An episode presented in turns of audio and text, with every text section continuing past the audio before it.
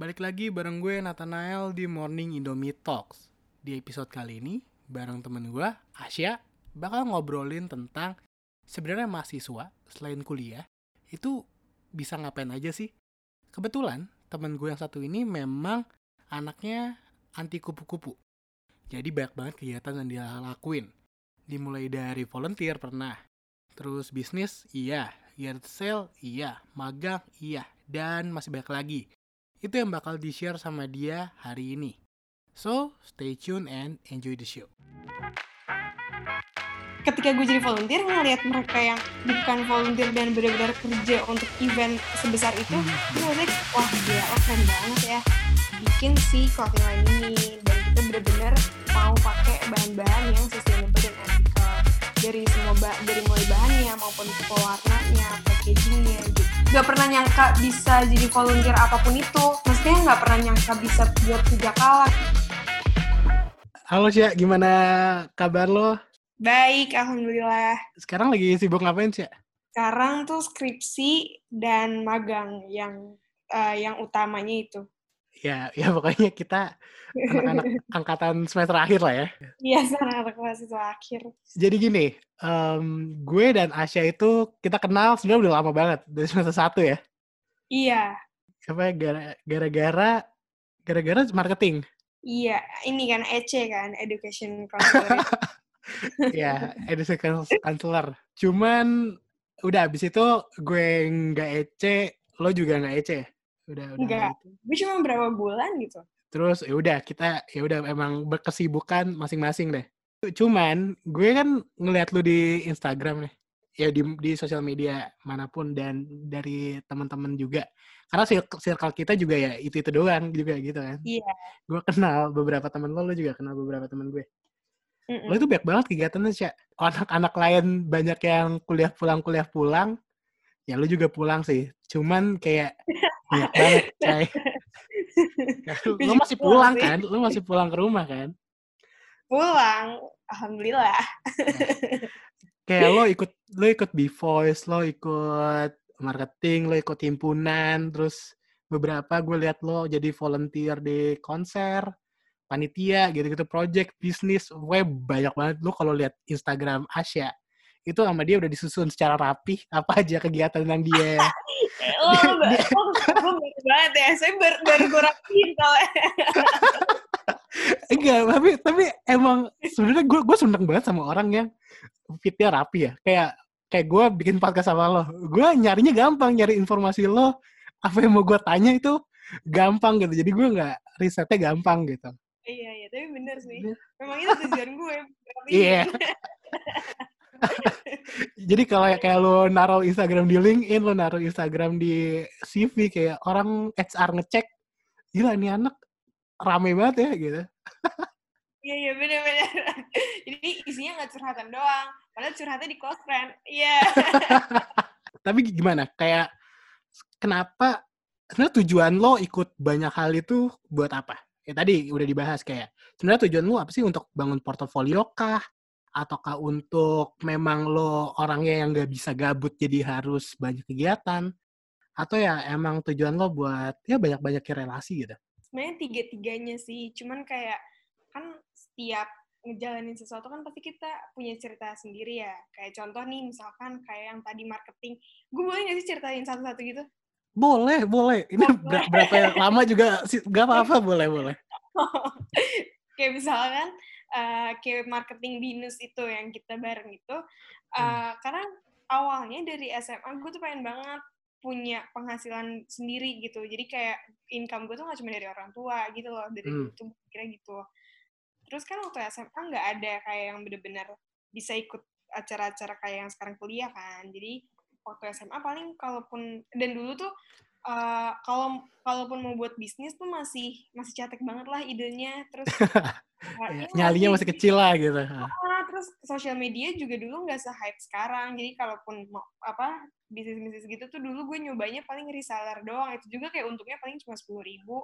Juga malah berat di modal kayaknya daripada di Iya, dan, dan, dan capek ya, maksudnya kayak capek Iya, tapi ngasilinnya nggak seberapa gitu. Iya, bener. Terus udah gitu juga nggak terkenal-terkenal. Jadi ya udah. Nah, terus pas binus itu ngomong bahwa kita bisa part time wah itu gue langsung tertarik banget. Ya udah gue coba. Dan tapi bener loh El gue, eh, gue gak tahu ya tapi pasti itu lebih lebih lebih bagus juga karena apa kita beda SPV juga kan? Ya.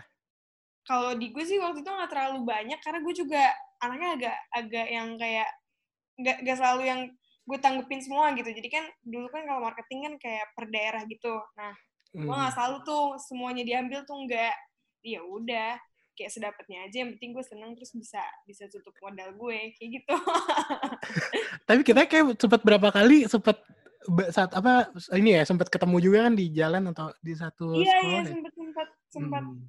cuman tuh eh ya pokoknya intinya itu juga gak terlalu lama ya kan kita Iya. masuk kuliah juga kan kalau nggak salah di situ nggak lama Mhm. terus eh, kayak misalkan Voice atau himpunan tuh sih sebenarnya gue nggak ikut ini nggak ikut sebagai yang apa sih namanya kalau di binus tuh Pengurus. ya bukan bukan pengurusnya cuman pernah ikut Oh. satu atau dua event aja karena karena ya gue mikirnya karena gini gue itu dulu ik- maunya ikut Isaac Oke, tapi Iya. tidak keterima atau gimana? Iya terus akhirnya gue keterimanya jadi panitianya. Terus akhirnya Oh, eventually gue keter- jadi itu kayak free ticket lah. Intinya lo bakal tetap jadi Isaacer kayak gitu. Mhm. makanya di semester awal itu gue wah semester awal tuh gue ansos banget. Karena yang kayak gue uh, gue jadi di B Voice gue di Isaac juga. Terus awal-awal sempet deh kayaknya ikut uh, salah satu panitia di acara himpunan. Tapi sekedar ngikut aja nggak nggak jadi pengurusnya. Karena ya nggak ya dan maksudnya kalau juga. kalau di himpunan jurusan tuh kita nggak perlu jadi pengurusnya untuk bisa jadi partisipasi di eventnya ya nggak sih Nah, itu itu Iya, enaknya sih. Gitu. Hmm, Hmm. jadi maksudnya kayak ya gue nggak terlalu ini terus ada B Voice juga kan karena tuh waktu SMA sebenarnya gue nggak yang terlalu aktif karena kan SMA gue kan bukan apa ya agak beda sendiri gitu kan dalam artian gue lupa lo SMA apa ya? Karisma bangsa gue nggak tahu lo tahu apa enggak banget Tahu tahu tahu tahu Oh, di di, tahu. Jaka- di Jakarta Pusat kan? enggak bukan Eh, Tangerang Selatan di- Eh gue gue oke berarti gue nggak tahu. Oke oke terus.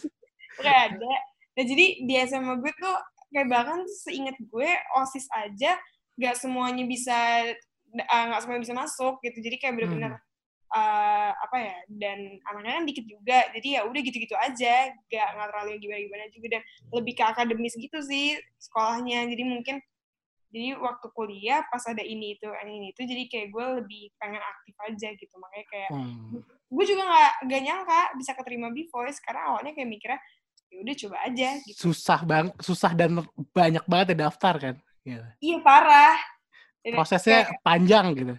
Prosesnya panjang iya. Dan bahkan tuh awalnya apa ya? Awal awalnya gue sama temen gue udah udah nyiapin CV terus temen gue nggak jadi. Saya kira gue sendirian. Ya udah tapi gue yang kayak sok-sok pede aja gitu. Padahal sih gue sebenarnya nggak ngerti apa apa juga awal Oke, terus? terus apa lagi ya? Oh kayak volunteer. Itu kan Hmm. gue pertama kali volunteer itu 2018 eh, di acara Jakarta X Beauty dari Female Daily kan. Iya ya. Itu tuh apa ya awalnya karena gue mik eh, waktu itu sempat ada sesuatu juga terus awal tuh gue mikir gini itu tuh kalau nggak salah tahun kedua tahun kedua B Voice deh jadi eh, dan tahun ketiga kuliah juga nah terus udah gitu gue mikirnya Bukan itu lagi sibuk-sibuknya tuh. enggak, enggak. di pokoknya di B Voice tuh gimana ya pokoknya pokoknya udah udah bukan tahun pertama deh Oke oke. Jadi kayak nggak yang terlalu kan kalau nggak salah tahun pertama tuh kita yang jadi panitianya kan tahun kedua tuh Ya. jadi pembimbing nah di tahun kedua gue um, adalah sempat gue sempat jadi bendara sih sebenarnya Mhm. bendara event gitu cuman yang kayak ya guanya juga nggak terlalu nggak terlalu bagus lah intinya nah terus eh, terus? Iya, terus akhirnya gue gue ngeliat di mana ada volunteer itu, terus gue tuh awalnya mikir eh gak yang gimana-gimana, pengen pengen escape dari kuliah aja gitu, pengen escape dari binus aja gitu, jadi kayak pengen Kayak bosen ya, rutinitas lo gitu-gitu doang ya di binus ya. Iya. Terus kayak gue tuh pengen ketemu orang baru aja. Terus dapet lah nih si Female Daily. Terus ternyata waktu itu juga volunteernya dapat uang kan di Female Daily ini dan asik. Maksudnya kayak bener-bener acaranya tuh asik dan dan kan cuma kan waktu kan acaranya kan kayak ini loh eh, yang apa sih make up, skincare Iya, gitu. kayak workshop gitu-gitu ya. Iya, ada workshop kayak Hmm. gitu-gitu. Nah, sebenarnya itu bukan gue banget sih, cuman yang kayak gue ngeliatnya tuh yang oh, iya, maksudnya kayak bener-bener. Nah, karena itu gue jadi belajar dan dapet sampelnya banyak banget gitu dan bagus-bagus gue kayak wah asik. Ibu lagi sih. Terus ya udah, akhirnya dari situ eh, gue coba buat nyari-nyari volunteer gitu-gitu. Nah, makanya kayak sempat ikut Java Jazz atau Hodgepodge atau WTF kayak gitu itu awalnya dari situ. Sekarang kayak lu ngerasa kayak pengen lagi pengen lagi kayak nagih nggak sih lu jadi volunteer volunteer gitu? Nagih sih, Atau karena kan atau capek? ya kalau pas ngejalanin pasti ada capeknya. Cuman tuh eh karena kan gini, gue tuh bukan tipe orang, gue tuh tipe orang yang yang nggak bisa banget eh stuck gitu loh. Kayak karena tuh gue orangnya bosenan. Tapi kalau tapi gila, tapi gue tuh nggak bisa multitasking juga. Jadi kayak gimana ya? Kayak dibilang gue gue tuh orangnya procrastination iya. Terus Hmm. gu- bukan yang nggak bisa gabut sih kalau misalkan gabut pa- pasti semua orang bisa kan cuman kayak gue Iya. tuh nggak pengen kalau gue tuh gabut gitu loh cuman multitasking juga nggak bisa sebenarnya gitu jadi kayak kayak gue pengen ada sesuatu yang gue jalanin mereka kan kayak cuman dua hari tiga hari terus udah gitu kan. Jadi Mhm. lo nggak akan ngerasain puncak capeknya gitu. Karena bukan lu yang nyiapin dari hari-hari sebelumnya. Ah, iya iya. Jadi kayak misalnya lo nggak ngerasain bosennya lo lo bakal ngerasain capeknya pasti karena pasti capek banget. Cuma sebenarnya lo nggak ngerasain bosen gitu. Karena tiap hari dua hari ataupun tiga hari itu eh, tiap hari itu bakal beda-beda. Yang lo jalanin pun nggak akan selalu sama. Walaupun sebenarnya itu aja yang lo jalanin gitu. Tapi kan Mhm. kayak misalkan waktu karena kan kalau kayak gue kayak di Java Jazz atau di Hodgepodge itu uh, gue sebagai social media promotion. Nah jadi itu kayak gue yang bikin konten si Instagram dan Twitter itu social media mereka. Terus udah gitu uh, direvisi sama kakak-kakaknya. Bagus atau enggak baru upload gitu kan. Nah itu tuh karena kan tiap hari kan pasti kan artisnya beda. Terus kayak Iya, sponsor atau betul. apa itu beda gitu kan. Nah Mhm. itu tuh apa ya vibes-nya kayak atmosfernya juga pasti beda gitu. Jadi kayak gue nggak nggak akan bosan dan itu cuma tiga hari atau dua hari. Tapi kalau misalkan itu seminggu atau dua minggu ya pasti udah capek udah capek duluan. Tapi pengen nggak? Atau misalnya kebayang nggak kalau one day lo bukan lagi jadi volunteer acara itu tapi ya lo jadi panitia yang benar-benar ngurusin tuh acara dari nol sampai habis gitu. Maksudnya lo berpikir akan ke sana nggak? Atau ya udah gue maunya jadi volunteer aja gitu. oh iya pernah pernah pernah pernah pengen banget kalau volunteer kan kadang kan eh ya Ya gitu maksudnya aja. kayak seru ah akhirnya ya gitu-gitu aja gitu kan Ah. Gak berani juga gue ngomong yang enggak enggak di sini ya makanya kita tahu lah gitu. Iya gitu kan. Nah kalau misalnya jadi jadi yang benar-benar panitianya atau yang kerja di sana, tapi pasti capek banget sih. Pasti capeknya lebih dari volunteer sih yang kayak gitu tuh. Karena kan ngurusnya tuh banyak banget gitu. Cuman kayak nggak tahu ketika gue jadi volunteer ngelihat mereka yang bukan volunteer dan benar-benar kerja untuk event sebesar itu, gue Mhm. ngeliatnya wah gila lo keren banget ya. Kayak lo tuh lo tuh orang yang membangun ini gitu. Ya nggak Iya. sih? Karena kayak gue sebagai volunteer aja tuh awal-awal pasti ngerasa kayak, wah gue bangga nih gue bisa masuk sini Iya. gitu. Tapi nggak selamanya lo bisa nonton juga gitu. Kayak apalagi yang jadi yang bener-bener panitianya atau kayak yang emang manajer yang nge-manage itu gitu kayak Hmm. pengen pengen banget. Cuman nggak tahu sih arah gue akan ke sana atau enggak. kayak mungkin ya balik lagi kayak beda rasa puasnya ya kayak ya hari terakhir pe- penampilan terakhir selesai yang lo puas rasa puas si panitia sama volunteer juga beda meskipun ya dua-duanya sama-sama puas gitu kan Iya iya pasti. Dan dan pastinya kayaknya kalau jadi panitia nggak terlalu hype banget kali ya. Maksudnya kalau misalkan nggak bisa uh, di nikmatin acara gitu Ah, ah, jadi kan misalkan volunteer kan kadang suka yang kayak, eh gue nanti pengen nonton ini ya, kan kayak gitu-gitu kan. gue ya tuh nggak nggak ada tuh yang kayak gitu-gitu ngerti gak sih yang kayak ya Iya, udah kalau ada kalau ada artis itu ya udah gitu. kayak lo harus mengorbankan ini lo apa sih, yang mengorbankan lo pengen nonton gitu dan lo harus prioritasin kerja Iya. lo gitu kan Ah, ah, benar-benar.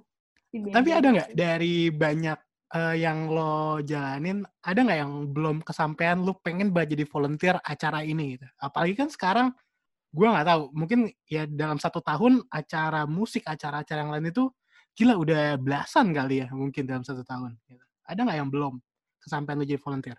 Um, ini DWP sih gue itu pengen banget sebenarnya Itu belum tuh? cuman belum. Cuma waktu itu kan kalau nggak DWP juga sempat di Bali kan.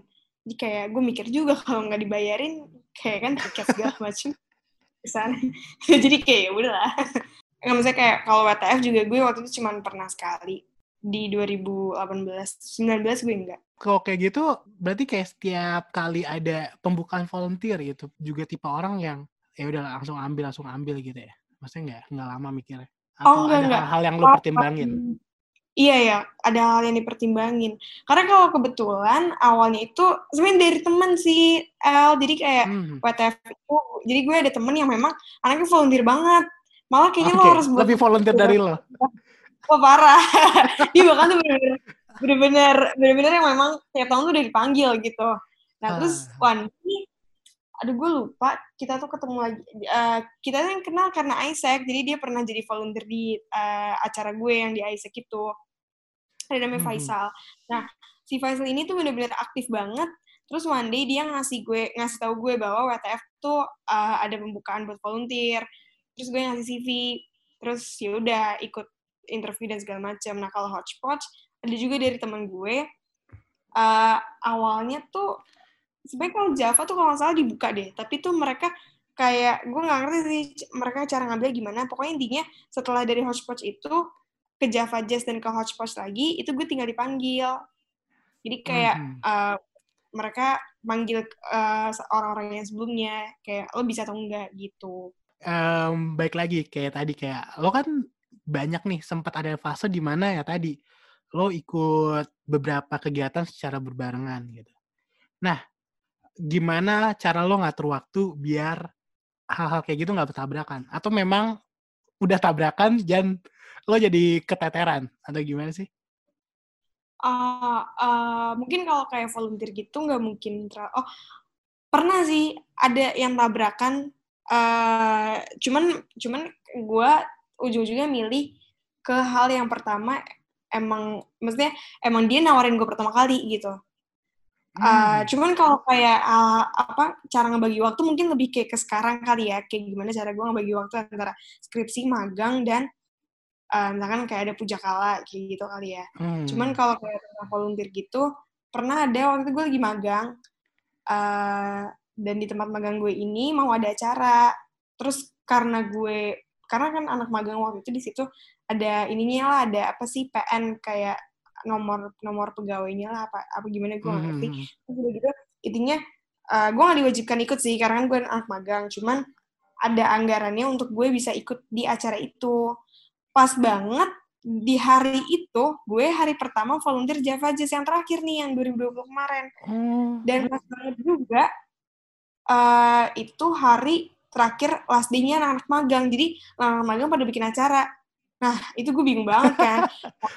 Parah, parah. Itu maksudnya kayak gue pengen tiga-tiganya gitu loh. Iya yang kalau lo kayak, bisa membagi diri lo lo udah membelah diri kali ya. Iya, parah. Cuman, eh, nah, cuman tuh si acara divisi gue yang magang ini, awalnya bukan tanggal itu, tanggal sebelumnya. Jadi kan gue eh, pada saat itu juga mengiyakan si Java Jazz dong. Karena kayak, iya gue pengen kok, gue bisa kok gitu kan. Nah ternyata si yang di acara divisi ini diundur sampai di hari H eh, gue volunteer Java Jazz ini. Jadi ya udah gue gue udah pasti lebih milih Java Jazz karena kan Iya. gue udah ngeiyain duluan ya kan dan dan maksudnya si divisi juga tanggalnya kan sempat berubah dan kalau yang last day-nya anak magang itu juga dia buatnya hamin satu jadi kayak ya gue Iya, nggak mendadak bisa banget gitu.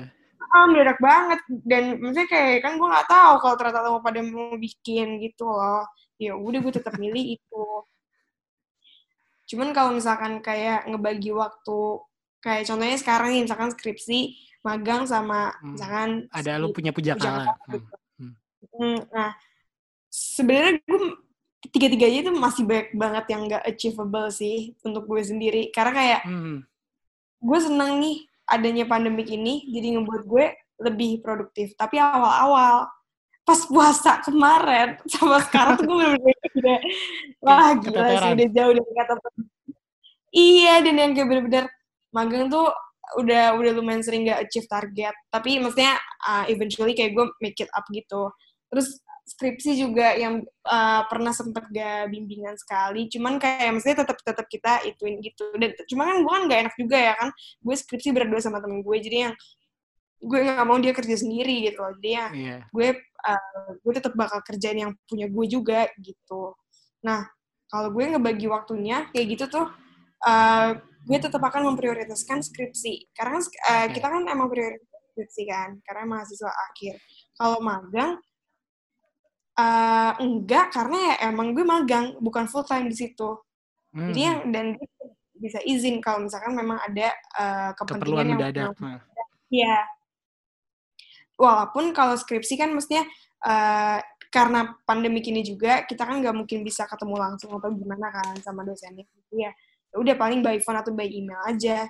Nah, si magang itu juga work from home. Jadi ya udah uh, magang saya tetap tiap hari ya uh, dalam pokoknya setiap di minggu itu tetap harus skripsi itu harus ada yang dikerjain deh gitu atau at least kayak ngomongin apa yang harus dikerjain sama temen gitu. Terus kalau puja kala ya sebenarnya sempat susah juga sih karena kayak kalau kemarin lagi pokoknya, lagi banyak juga kan orderan ya. Yang masker gue liat boy oh, banyak iya, banget iya, iya. iya. Iya itu temen gue loh yang bikin loh. Keren oh, dia. oke oke. Iya. Emang sih keren keren banget. Aduh sorry banget sih ya gue nggak sempet mesen. Gue udah gue udah kepikiran buat mesen tapi N nanti ya nanti next ada ada kesempatan ada jualan lain nanti gue beli. Oke. Okay. iya. Sadar. Dasar. Tapi keren keren banget. apa. soalnya keren banget itu. Nggak kayak masker kain nggak kayak masker kain yang lain gitu. Bener, kan? iya maksudnya itu gue juga kadang merasa keren sih. gue yang lihat gambar aja yang nggak megang aja gue bilang keren. bisa. Soalnya gue cuma bisa muji, gue bisa beli.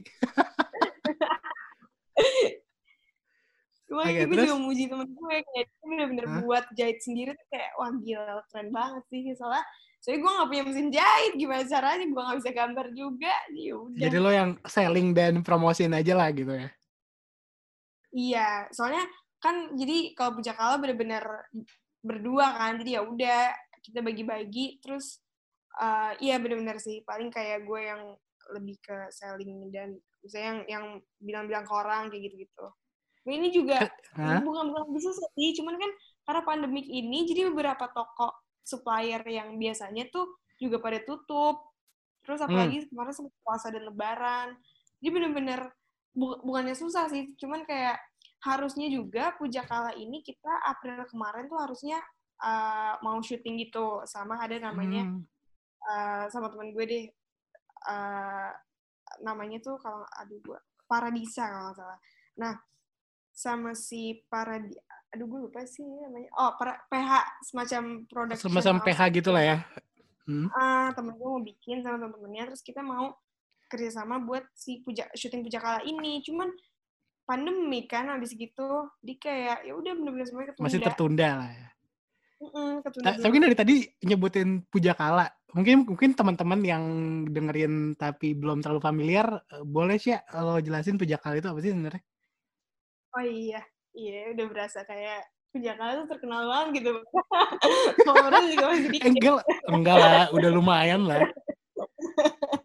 Puja kala itu uh, jadi apa ya mungkin kalau orang lebih gampang kayak clothing brand gitu kali ya clothing hmm. line clothing brand uh, cuman tuh ini kalau gue sih lebih seneng nyebut ini sebagai project bisnis gue karena uh, gue kalau misalkan mau bilang bisnis tuh terkesannya kayak materi banget gitu kayak duit oh, banget gitu nah, jadi pro ini project bisnis kalau untuk gue ya cuma iya, maksudnya yeah, yeah, yeah. Uh, kalau orang lain sih ngeliatnya serah kayak gimana cuman intinya okay. tujuan pujakala ini kan memang untuk meningkatkan awareness orang uh, sebenarnya untuk ningkatin awareness orang dan untuk gue dan temen gue juga gitu. Karena untuk nih karena uh, awalnya tuh gue sama temen gue bener-bener pengen uh, pengen bikin sesuatu yang ada ada nilai ada value eco friendly-nya gitu. Akhirnya kita uh, kita kepikiran terus dia juga bisa ngedesain ya udah kita bikin si clothing line ini. Dan kita bener-bener mau pakai bahan-bahan yang sustainable dan ethical dari semua bah dari mulai bahannya maupun pewarnanya, packagingnya gitu. Jadi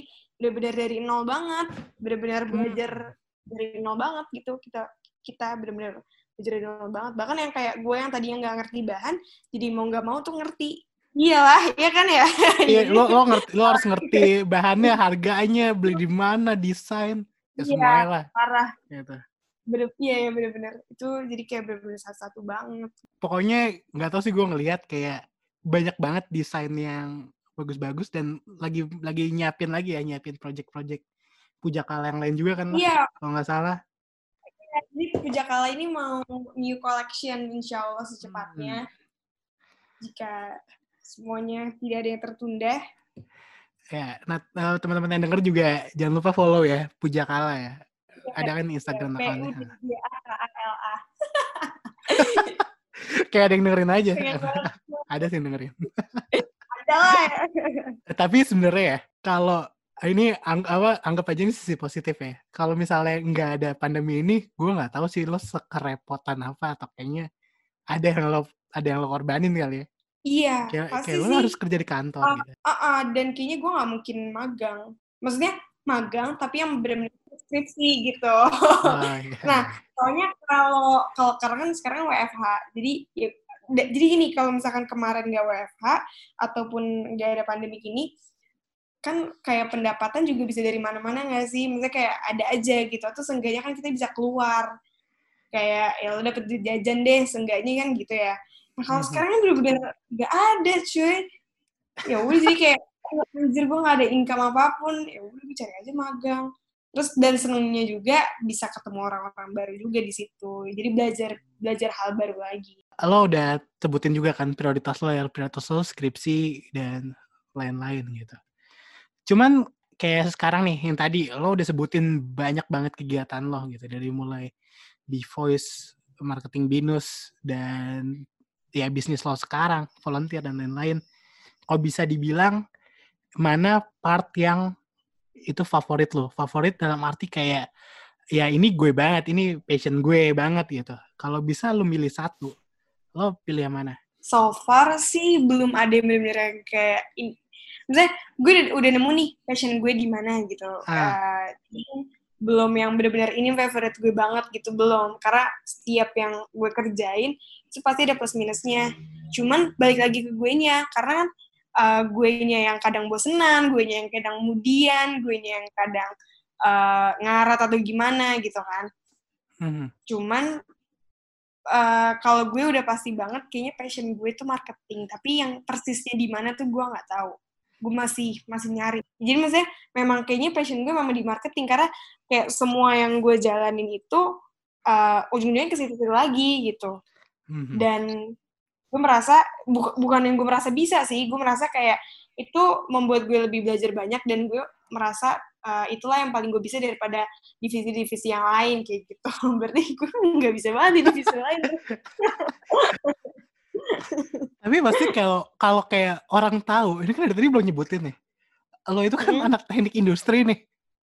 oh iya Harusnya kayak ya ya gue nggak tahu sih. Maksudnya kalau kalau gue kan stigmanya stigmanya ya. Maksudnya kayak kalau Wow. denger tadi cerita tadi, wah gila nih ini anak ya anak marketing nih. Kalau nggak anak anak komunikasi banget gitu. Enggak, ternyata dia ini Ah. anak teknik industri gitu. Kayak lu ngerasa salah gak sih? Lu Iya. kayak ngerasa salah jurusan gak sih? iya oh gue pernah pengen pindah jurusan awal-awal tuh soalnya kan uh, jadi gini gue tuh pengen banget bukan pengen banget sih dulu tuh uh, SMP gue tuh pengen nanti Oh kuliah jauh ya? mau Iya jauh ya. Anak, anak SMP, anak SMP udah mikirin kuliah itu jarang sih sebenarnya. Hebat-hebat juga. Gitu. Karena karena dulu tuh uh, gue terdoktrin kalau kuliah itu maunya IT atau nggak kayak semacam teknologi and management Wow. gitu. Sumpah dan ternyata di Indonesia tuh itu belum bukan belum ada sih. Kayak Kayak belum maksimal gue gitu loh. kayak belum maksimal dan yang paling mentok-mentok itu SI kan sistem informasi.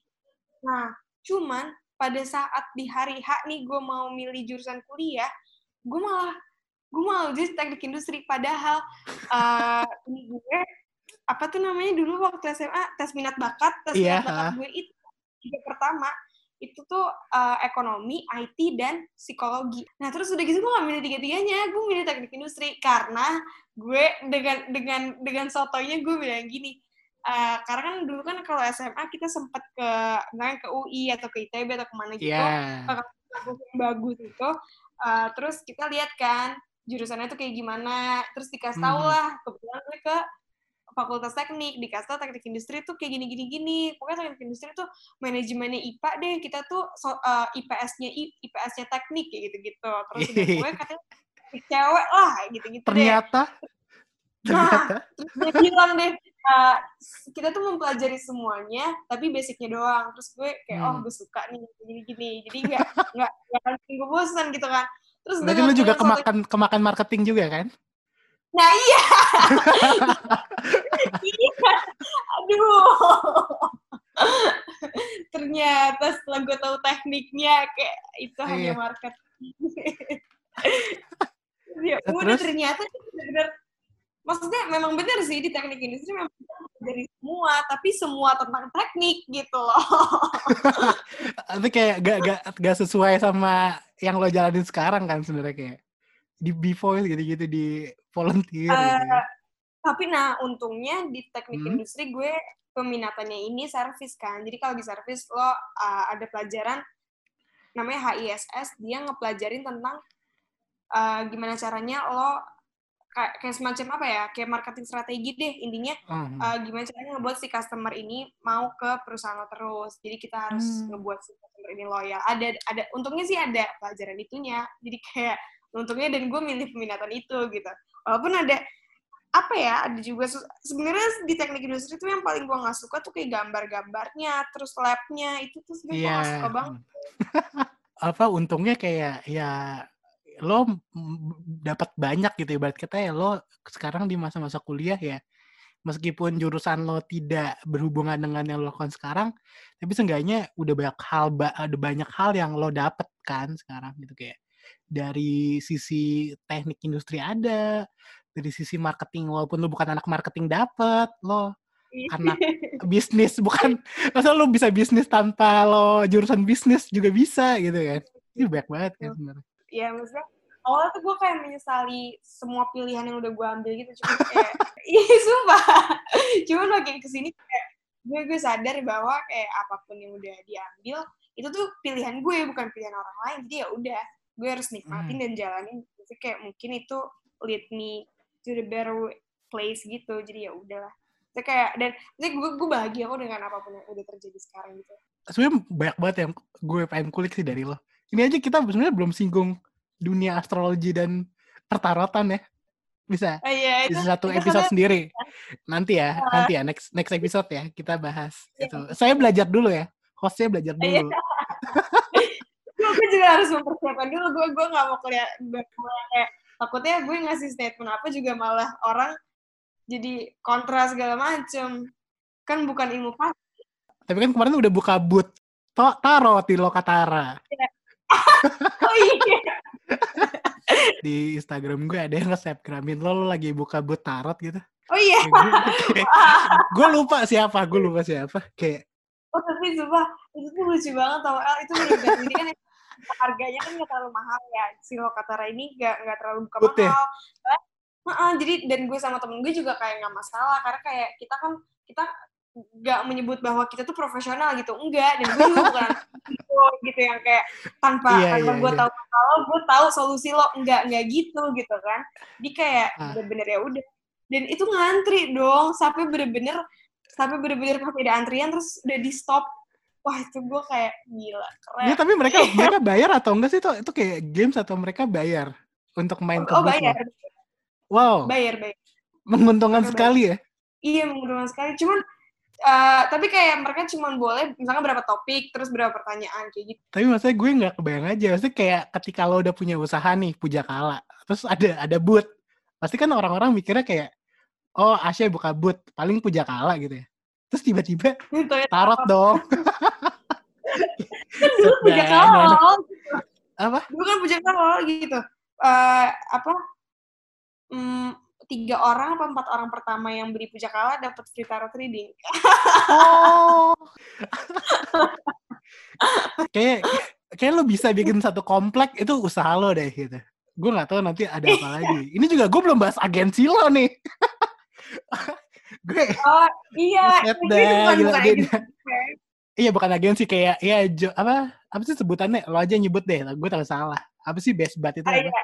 Eh, best bud. Iya, jadi best bud agency ini eh sebenarnya bu- bukan bukan bukan punya gue juga. Jadi punya ada namanya eh intinya gue diajak lah buat jadi eh salah satu divisi dia, tapi bukan bukan yang nge-MC enggak. Jadi kan ini kan Hmm. ada ada talentnya yang buat nge-MC-in kan. Nah, gue tuh intinya gue ini tugasnya buat ngecariin mereka event-event untuk mereka nge-MC gitu. Intinya nyari kerjaan mereka. Jadi manajer mereka lah intinya. Hmm, Nah, cuman iya, tuh iya. tapi gue itu uh, kadang tuh kalau misalkan lagi nggak mood dan lagi bingung mau gimana, ya gue ini gitu terus gitu. Terus udah gitu, dan kalau sekarang defense dari gue karena pandemik ini nggak mungkin ada event gitu. Ya nggak sih? Ya, Dan kalau pernah ada gue nggak berani sih. Maksudnya gue gue nggak akan berani buat gimana gimana itu enggak. Tapi hebat loh, maksudnya udah salah satu ini lo udah jadi MC di Java apa Java Goes to Campus kan, JGTS ya kan? Iya, ya, Kan di ya, UI. Hanif. Hanif juga Hanif. abang none itu ti, eh, apa Hanif abang none, Kadanang juga se- apa kemarin abang none juga. Terus Kak Ai dia ini kan eh, MLI. Iya. Makanya ya ya Keren- gue keren ya, banget. udah keren-keren semua lah ya gitu. Jadi jadi Anda sebagai manajer harusnya gampang ya sebenarnya tugasnya ya. Iya sebenarnya tapi tuh iya, iya sih, cuman cuman tuh kadang tuh kayak kadang tuh apa ya? Kadang tuh nggak sesuai gitu loh eventnya. Maksudnya Iya. dalam artian tuh eventnya terlalu kecil untuk mereka. Iya, tapi sip sip sip. Ya ngerti gak sih? Dan Betul. gue juga sih. Gue tuh terlalu banyak insecure-nya gitu, El. Next nih, kayak tadi eh, tadi gue gue bahas kayak ibarat kata ya lo udah WTF udah, udah Java Jazz udah gitu. Kayak yang beauty pun bahkan lo juga udah pernah gitu. Dari Iya. apa dari itu segitu itu semua kayak mostly ngasih lo apa sih? Kayak mostly lo dapet apa dari hal-hal itu? Kayak yang paling membuat lo berguna banget ilmunya sampai sekarang yang bikin lo berkembang ke sekarang? Em, relasi sih. Itu itu setiap gue itu setiap gue ikut sesuatu pasti dapat relasi baru dan em, gue tuh kadang orangnya gini kayak gue tuh suka sosialisasi cuman kadang kalau lagi nggak mood tuh nggak aja gitu kayak eh, gue gak tau sih orang liat gue gimana cuman kalau gue em, orangnya tuh suka sosialisasi cuman kalau gue ketika gue lagi nggak mood ya gue palingin ke orang-orang yang udah gue kenal aja gitu. Nah cuman dengan ikut itu tuh gue jadi eh, kalau setiap kali ngobrol sama orang baru jadi kayak wah ternyata dia keren juga ya eh, umurnya lebih muda tapi udah udah ini udah itu udah bisa ini udah bisa itu gitu ataupun yang seumuran kayak apa eh, mereka tuh lebih tinggi juga ya daripada gue misalnya lebih baik juga yang dia kerjain gitu jadi itu ngajarin gue eh, apa ya untuk jadi lebih humble lagi gitu sih maksudnya Mhm. pelajaran-pelajaran lebih ke soft skill sih karena kalau misalkan kayak uh, maksudnya kan tugas sebagai volunteer itu kan nggak terlalu uh, uh, semua orang pasti bisa lah belajarnya ya kan nah cuman Iya. kalau misalkan kayak soft skillnya itu tuh yang bener-bener di apa ya kayak bener-bener diambil banget gitu. Kayak relasi baru terus jadi harus jadi lebih humble lagi terus punya teman baru yang setelah abis volunteer pun tetap temenan gitu. Bahkan Hmm. bener-bener ada satu temen gue yang kayak uh, kita follow-followan di sosial media terus dia tuh ngepost kayak ngapain orang buat gini gini gini uh, waktu itu SPSS ada uh, vol- teman volunteer Java Jazz juga dia tuh bilang ngapain orang buat apa ngapain sih orang bayar bayar orang lain SPSS semahal itu padahal SPSS tuh gampang gitu intinya terus gue Iya. kebetulan lagi ngerjain laporan magang dan pakai SPSS gue langsung kayak Iya. demi apa sih ya Kepake lo nih. aja kalau gitu ya, iya gue kan bener-bener bener-bener ini banget jadi kayak relasi tuh emang penting banget sih kalau untuk yang volunteer gitu tuh bener-bener relasi tuh kayak penting banget Dan bahkan melit jalan baru lagi kalau kan. iya iya makanya. Karena kan biasanya kan kalau kayak gitu kan eh, nanti pasti ada orang yang bilang nanti kalau ada volunteer lagi kabarin ya pasti ada deh yang kayak gitu-gitu. Jadi kayak emang dari situ volunteer tuh. Lo lo udah menyusun sedemikian rupa ibarat kata ya gue nggak tahu. Gue lo melihat ini sebagai apa? Apakah ya eh pokoknya lo lo udah menyusun ini sedemikian rupa baik di Instagram lo baik di pengalaman lo gitu udah banyak banget. Tapi lo tipikal orang Iya. yang memplanning gak sih? Kayak oke ini udah tercapai ini ini udah kecapai ada to do list to do list to do list lain yang belum kecapai nggak? Gitu gitu atau lu tipe orang yang oh ya udah let it flow aja nanti ada kegiatan apa dan terbuka peluangnya lo ikut gitu gitu um, ya lebih ke let it flow sih ya kayaknya. Karena nggak pernah nyangka bisa jadi volunteer apa pun itu. Maksudnya nggak pernah nyangka bisa buat puja kala nggak pernah nyangka hmm. bisa uh, ini gitu. Itu nggak nggak pernah ada yang nyangka. Saya nggak pernah gue planning buat ke situ. Cuman maksudnya pernah dulu emang pengen banget. Gue pengen deh punya bisnis kayak gini gini gini. Gue tuh pengen punya sesuatu yang impactnya tuh orang lain juga gitu. Nah itu gue pernah pengen ada pernah uh, pernah punya pemikiran kayak gitu. Cuman kayak bener-bener yang direncanain banget gue harus kayak gini harus kayak gitu enggak. Uh, bah, malah yang yang apa yang udah jadi rencana gue dari awal banget itu sampai sekarang nih belum. Uh, sampai yang iya bak apa ya uh, bilangnya set, sekalinya mau kesampaian ada aja yang yang bikin ketunda deh ini gitu. Tapi malah hal-hal yang kayak gini yang gak ada yang mendadak ya. Ah tiba-tiba malah yang kayak ada aja gitu. Ya mungkin memang memang di di atas ya. Ah, gitu. Dia udah lo punya dong kayak oke okay, dalam lima tahun ke depan atau dalam 10 tahun ke depan lo melihat diri lo itu sebagai apa? Entah da- uh, entah lo berhayal atau bermimpi ya gitu ya. Anggap aja kita lagi berhayal nih sekarang. Lo lima tahun iya. atau 10 tahun ke depan lo melihat lo gimana? Uh, sebenarnya kayak dalam lima hari ke depannya gue belum tahu sih ya. iya, nggak apa-apa. Tapi kan pasti, pasti kan kayak lo pernah dong, apa lo mikir, wah gue pengen nih jadi ini gitu, gue pengen nih kayak gini, gue pengen punya ini, ini, ini, ini nih. Iya iya. Uh, kalau lima tahun ke depan tuh gue melihat diri gue apa ya? Gue sih lebih melihat diri gue sebagai orang yang gak jauh beda sama diri gue sekarang, tapi hmm. mungkin lebih apa ya? Lebih ini aja kali ya, lebih lebih apa sih namanya? Lebih terorganize aja kali ya.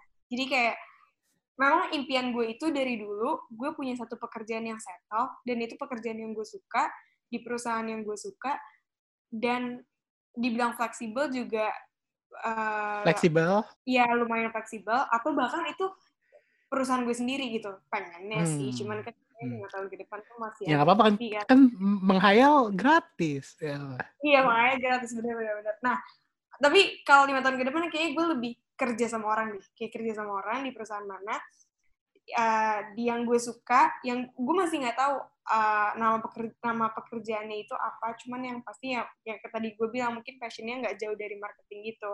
Nah terus hmm. gue tetap punya bisnis uh, ya, dan gue pengen banget puja kala benar-benar meningkat gitu. Jadi nggak yang ya sekarang kan masih yang online terus juga masih masih minim banget deh. Gue ilmu gue pun masih yang belum banyak juga.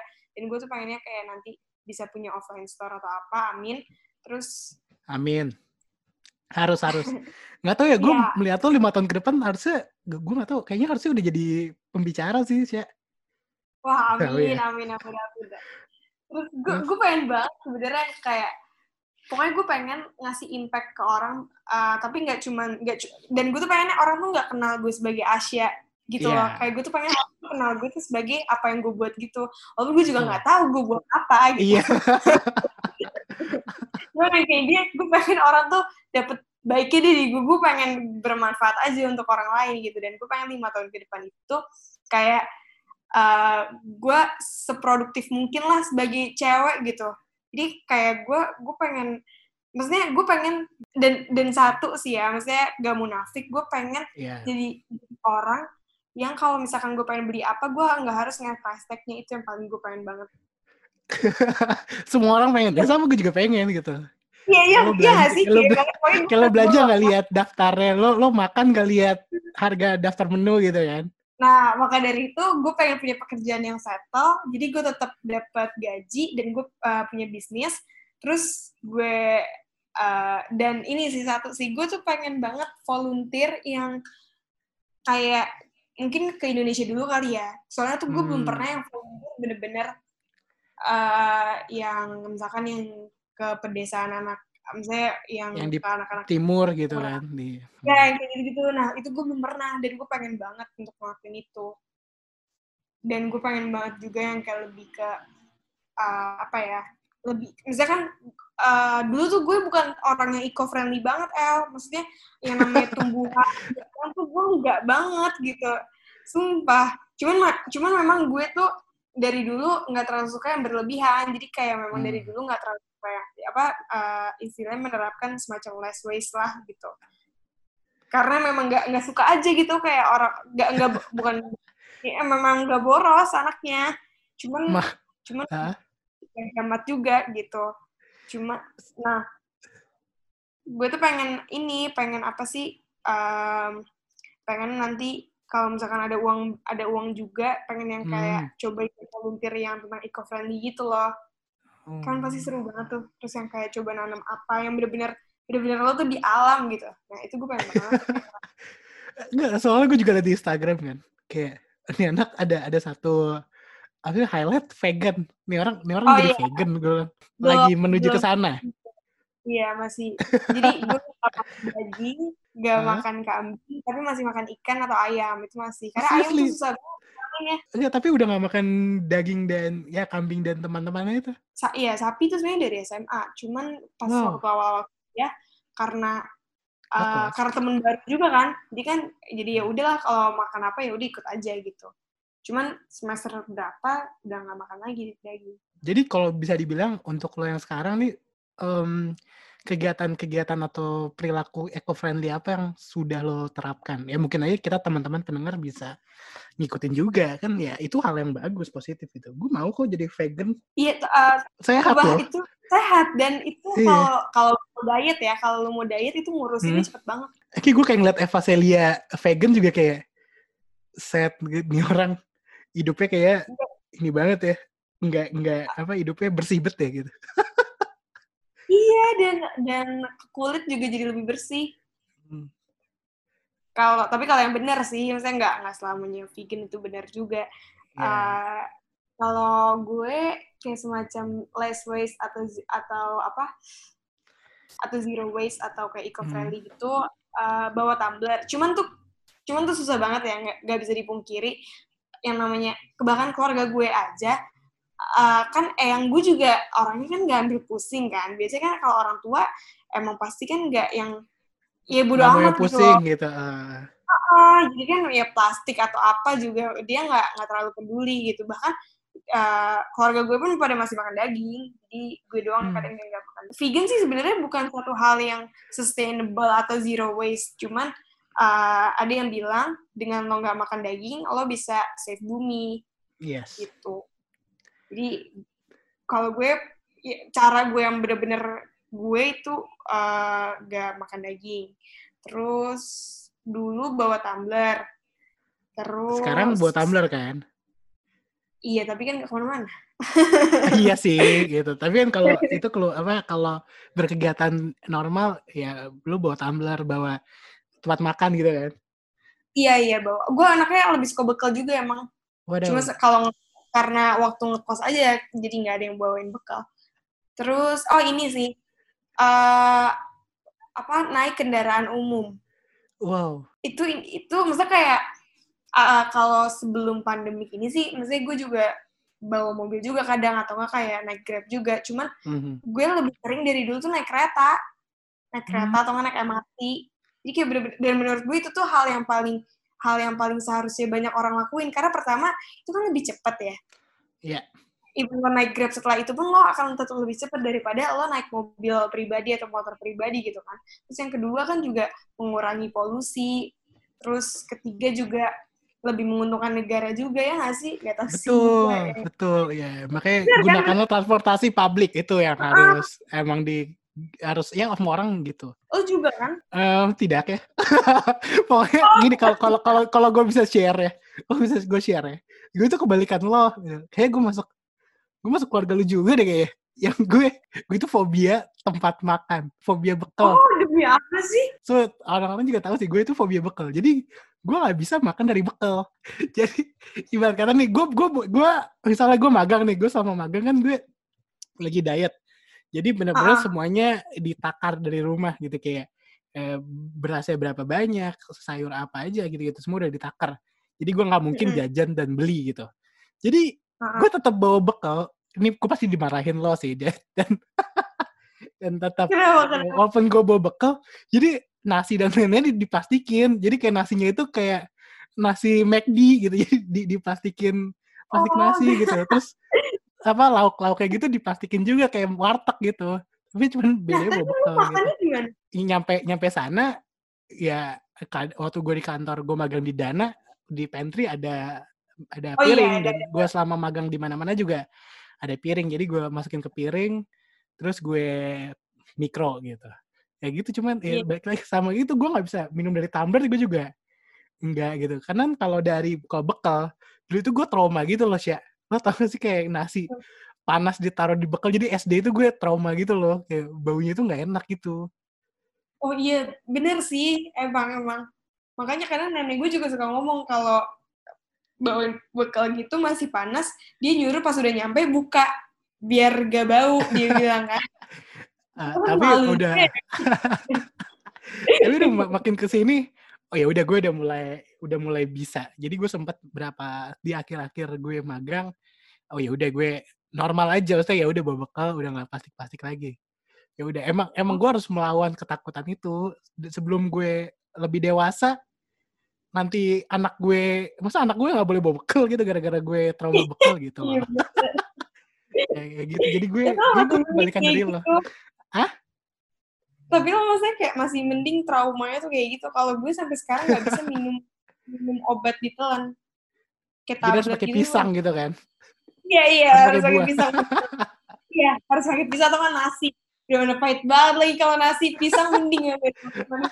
Hal eco-friendly apalagi yang masuk to do list lo tapi ya belum kesampaian gitu. eh ini sih gue juga pengen nerapin apa yang kayak, temen gue ada sini yang pujakala juga dia Hmm. bener-bener nerapin eh, untuk nggak beli yang namanya fast fashion jadi kayak dia hanya beli Oh. slow fashion gitu karena pujakala juga slow fashion masa Yes. ya gue minum pujakala terus gue belinya fast fashion nah itu gue lagi pengen nerapin cuman slow fashion tuh memang jujur lebih mahal daripada fast fashion Iya betul. Gua- Fast fashion tuh menggiurkan. iya jadi kalau gue ngeliat kayak Wow. cuman kayak kayak bener-bener anjir satu set cuma harga segini gitu kayak Iya. wow Satu style yang slow fashion itu harganya berkali-kali lipat dari satu style fast fashion kan. Heeh. cuman eh, nah untungnya kan gue bukan tipe orang yang kayak tiap apa apa beli gitu kan Iya. yang kalau masalah baju gitu paling gue beli memang sesuai kebutuhan gue aja Hmm. nah karena Jadi lu nggak nafsuan ya? iya gue gak gue gak terlalu nafsuan dan plus di rumah gue kan isinya cewek semua ya paling bokap gue doang jadi kayak gue bisa minjem baju mana aja gitu terlalu susah Gila, gue, gue itu termasuk kebalikan lu banget ya.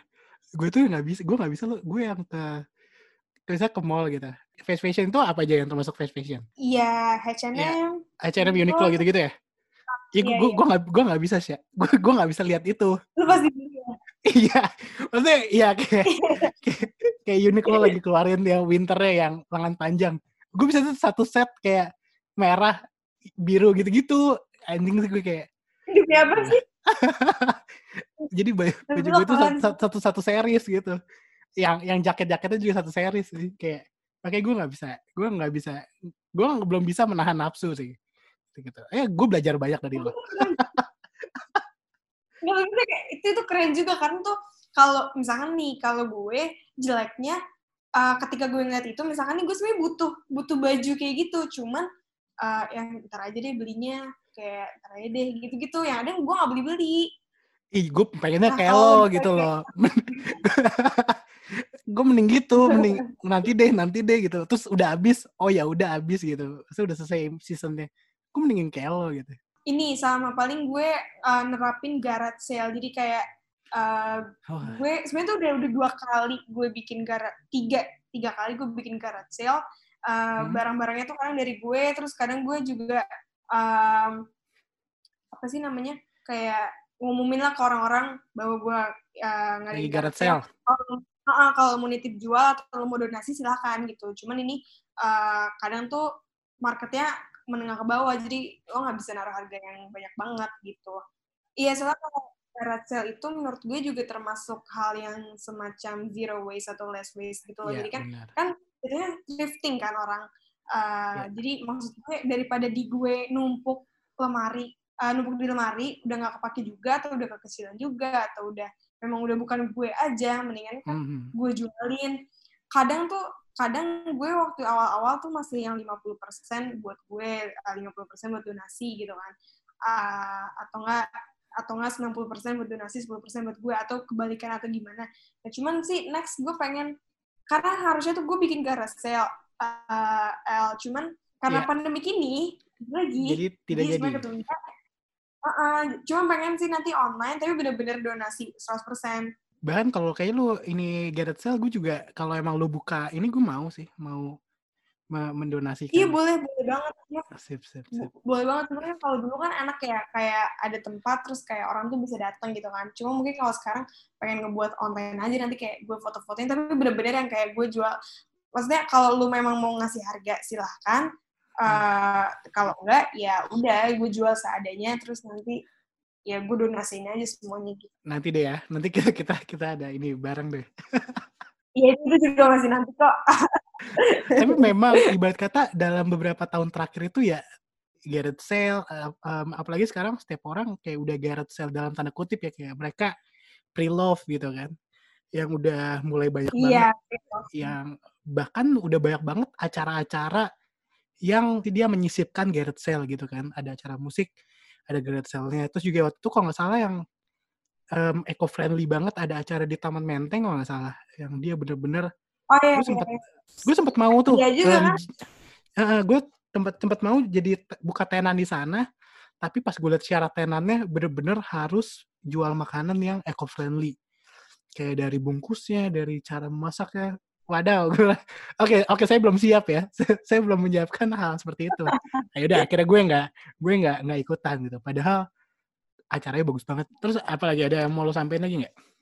Kalau kayak bener-bener ngegunain yang kayak cruelty free atau yang bener-bener eco-friendly gitu gitu belum semua produk yang gue gunain tuh udah pasti kayak gitu sih. Cuman yang kayak ya sebisa mungkin gue nya uh, intinya nggak membuang intinya gini gue lebih menerapkan misalkan kayak contoh di rumah gue ini biasanya tuh uh, nyokap ngestok sabun gitu untuk satu bulan Hmm. jadi gimana ya mendingan gue tetap pakai itu daripada gue pengen banget eco friendly sampai kayak gue beli uh, yang bener-bener batangan atau gimana gitu jadi kayak Mhm. gue mendingan memanfaatkan yang memang ada gitu terus nanti uh, yang udah bekasnya tempatnya itu baru dijadiin apa yang bisa di reuse gitu loh. Jadi nggak Hmm. harus yang gue selalu beli gitu. Kalau gue sih lebih ke kayak gitu. Sempet sih sekarang udah mulai coba pakai sabun batang cuman masih kalau kayak sampo atau sikat gigi gitu belum. Gila bangga banget sih gue punya temen kayak lo. Nggak, cuma kalau kalau seperti itu udah banyak kok iya iya iya iya. Maksudnya kan ya yang yang gue kenal ya ya. Gue gue berharap ma- ya justru malah kalau ya gue berharap makin banyak yang kayak lo dan yang lain-lain yang bahkan lebih lebih banyak upaya ke friendly-nya malah lebih bagus kali gitu. Dan kita butuh Iya. orang-orang kayak gitu. Dan untuk cerita-cerita kayak gini gitu. Nah terakhir nih Syah Ah, ah. buat nutup perbincangan kita dari yang lo udah kerjain dari dulu maksudnya dari awal semester mungkin mungkin dari SMA dari jauh-jauh dulu sampai sekarang itu udah sesuai track nggak sama yang lo pengenin sempet enggak sih sebenarnya. Hmm. cuman kayak cuman apa pun yang udah gue ambil itu semua pilihan gue. Jadi kayak bukan pilihan orang tua gue bukan pilihan siapa gitu. Jadi kalaupun gue mau nyesel atau mau nyalain siapa kalau nggak berjalan dengan baik ya bukan salah siapa-siapa. Memang gue yang milih juga kok gitu. Kayak contoh yang tadi gue bilang uh, gue teknik industri nggak sepenuh apa gue yang milih ketika ada sesuatu yang melenceng dari situ ya nggak ada yang bisa disalahin karena Iya, betul. udah jadi pilihan gue gitu kan terus even binus pun itu itu udah jadi pilihan gue Pilihan lo karena Nah, dan dulu gue nggak pengen daftar negeri bahkan sama gue Cuma juga memang- gue nggak ada nggak ada niat sama sekali daftar negeri gue Iya kan, iya kan, Hmm. maksudnya kayak bukan bukan karena gue gak ketemu negeri terus gue di binus, enggak, emang gue Iya, pengen iya. binus gitu. Terus, iya kan, gila kita anak Wow. swasta banget. iya dulu orang-orang berjubel pengen banget masuk negeri kita nggak pengen kita gak pengen bener-bener. Terus di, tapi maksudnya binus bukan pilihan pertama, kayak gue ya gue punya pilihan lain, cuman yang kayak uh, ternyata satu dan Kesampaiannya nggak binus. bisa, cuman Hmm. kesampaiannya binus dan ya itu juga udah jadi pilihan gue jadi kalau misalkan gue mau nyala-nyalahin binus gimana ya emang gue yang mau masuk juga gitu terus kayak kayak semuanya deh kayak banyak hal. Maksudnya kayak gue itu semua yang udah gue lakuin itu udah jadi pilihan gue. Cuman kalau ditanya udah sesuai track atau belum sebenarnya sebenar untungnya enggak gitu. Karena mungkin kalau misalkan gue bener-bener sesuai track dan uh, yang di atas ngasihnya lurus-lurus aja dari yang awalnya gue impin banget bener-bener lurus-lurus aja mungkin gue nggak bisa ketemu lo gue nggak bisa ketemu yang lain gue nggak Iya, bisa iya. Belajar ini belajar itu gitu jadi kayak ya udah unt- untungnya sih nggak sesuai yang gue plan dari awal cuman makin ke sini jadi lebih ngeplan lagi jadi lebih nge-replan lagi dan insya Allah semuanya bisa berjalan dengan bukan dengan baik sih tapi intinya semoga semuanya apa pun yang dijalanin ngebuat gue jadi lebih bahagia gitu sih Amin. Ya harus dong, Hmm. harus. ya harus Eh, dan, dan apa lu udah puas dengan yang lo lakuin sekarang? Enggak kalau puas belum karena kayak kemarin itu gue sempet apa ya sempet kayak anxious gitu loh kayak insecure gitu karena kayak gue ngeliat orang-orang tuh kayak ini lo bikin podcast gini itu gue tuh gue ngeliatnya kayak ih gila keren deh orang bikin podcast Enggak, gue, gue insecure. apa gue insecure kok. iya bener kok. Terus? Iya kan? Ya maksudnya, gue tuh ngeliat orang-orang tuh yang kayak, ih gila keren banget lo bisa. Atau misalkan yang sama deh gitu, yang setara sama Hmm. gue, cuman kok bisa dia lebih cepet gitu progresnya dari gue, atau kayak lebih bagus gitu. Itu tuh kadang tuh ngebuat gue jadi kayak kepikiran gitu loh. Gue tuh orang nih, orang nggak ngekritik gue aja, orang cuma kayak kayak ngekomentarin nggak nggak in a bad way juga kayak cuman ih lo gini-gini deh itu tuh bikin gue kepikiran tau gak sih ngedrop ya? Anjing, gue kayak gitu ah, parah ya. Jadi kalau buat gue... Gue gue kira lu bukan orang yang kayak gitu loh sih. Enggak, gue, gue insecure banget, sumpah. Gue tuh, gue tuh bisa... Adik gue tuh, kalau misalkan gue udah tanyain satu hal, dan itu halnya itu aja, dia sampai kesel tau gak sih? Sampai kayak, aduh, bener-bener bener-bener bete gitu mukanya. Ya udah, maksudnya lo lo menikmati itu kan. Maksudnya kayak ya udahlah itu itu gue gitu.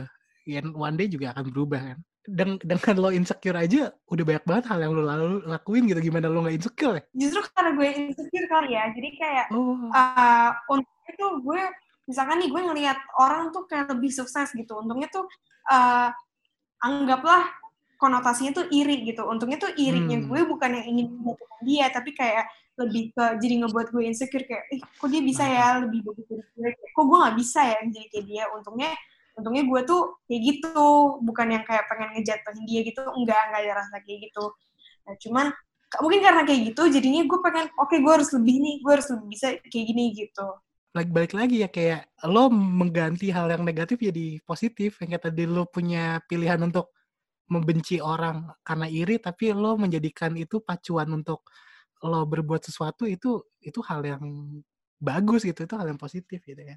Iya, karena emang harus kayak gitu sih, ya nggak sih? Iya betul. Emang harusnya kayak gitu gitu. Iya, karena kalau kita mau iri dan menjatuhkan Nyinyir, atau ngomongin di eh. belakang, kita julid atau gimana, yang ada kita nggak maju-maju gitu loh. Oke, coba sebenarnya banyak banget yang masih pengen kita obrolin nih. Banyak banget. Kayaknya masih juga banyak hal yang kelewat gitu. Tapi ya karena durasi ya, jadi kita harus Iya. mengakhiri perbincangan hari ini yang seru banget. Kayak gue banyak banget dapat masukan, banyak pengalaman yang gue belajar dari lo sih ya. Gila keren banget. Gue gak nyangka sih teman-teman gue kayak gini. gue juga seneng sih. Maksudnya kayak gue gue sama lo jadi ngomong, misalnya jadi kan biasanya juga kita nggak terlalu ngobrol yang gimana kan, jadi kayak iya. ngobrol lagi. gitu. Terus gue juga Iya. seneng, maksudnya kayak gue tahu jadi kayak ada orang yang fobia bekal gitu-gitu kayak, oh lucu juga. Oke, sekali lagi thank you banget ya. Iya, makasih juga El. Gue yang makasih loh. Nah, kalau kita mau lihat keseharian lo atau kegiatan lo atau project-project yang bakal datang itu bisa lihat gimana sih? Iya, mungkin di Instagram kali ya yang paling aktif gitu loh. Di at Asya Hafida, A S Y A H A F I D H A. Oke, sekali lagi thank you banget ya. Good luck buat ke depannya. Ya, moga-moga project-project yang ketunda di pandemi ini bisa berjalan lagi gitu-gitu. Dan to-do list, lu yang lain juga bisa cepet-cepet terus eksekusi. Ya gue gak sabar denger kelanjutan dari beberapa project lo sih. Stay tune untuk episode selanjutnya. See you on next podcast.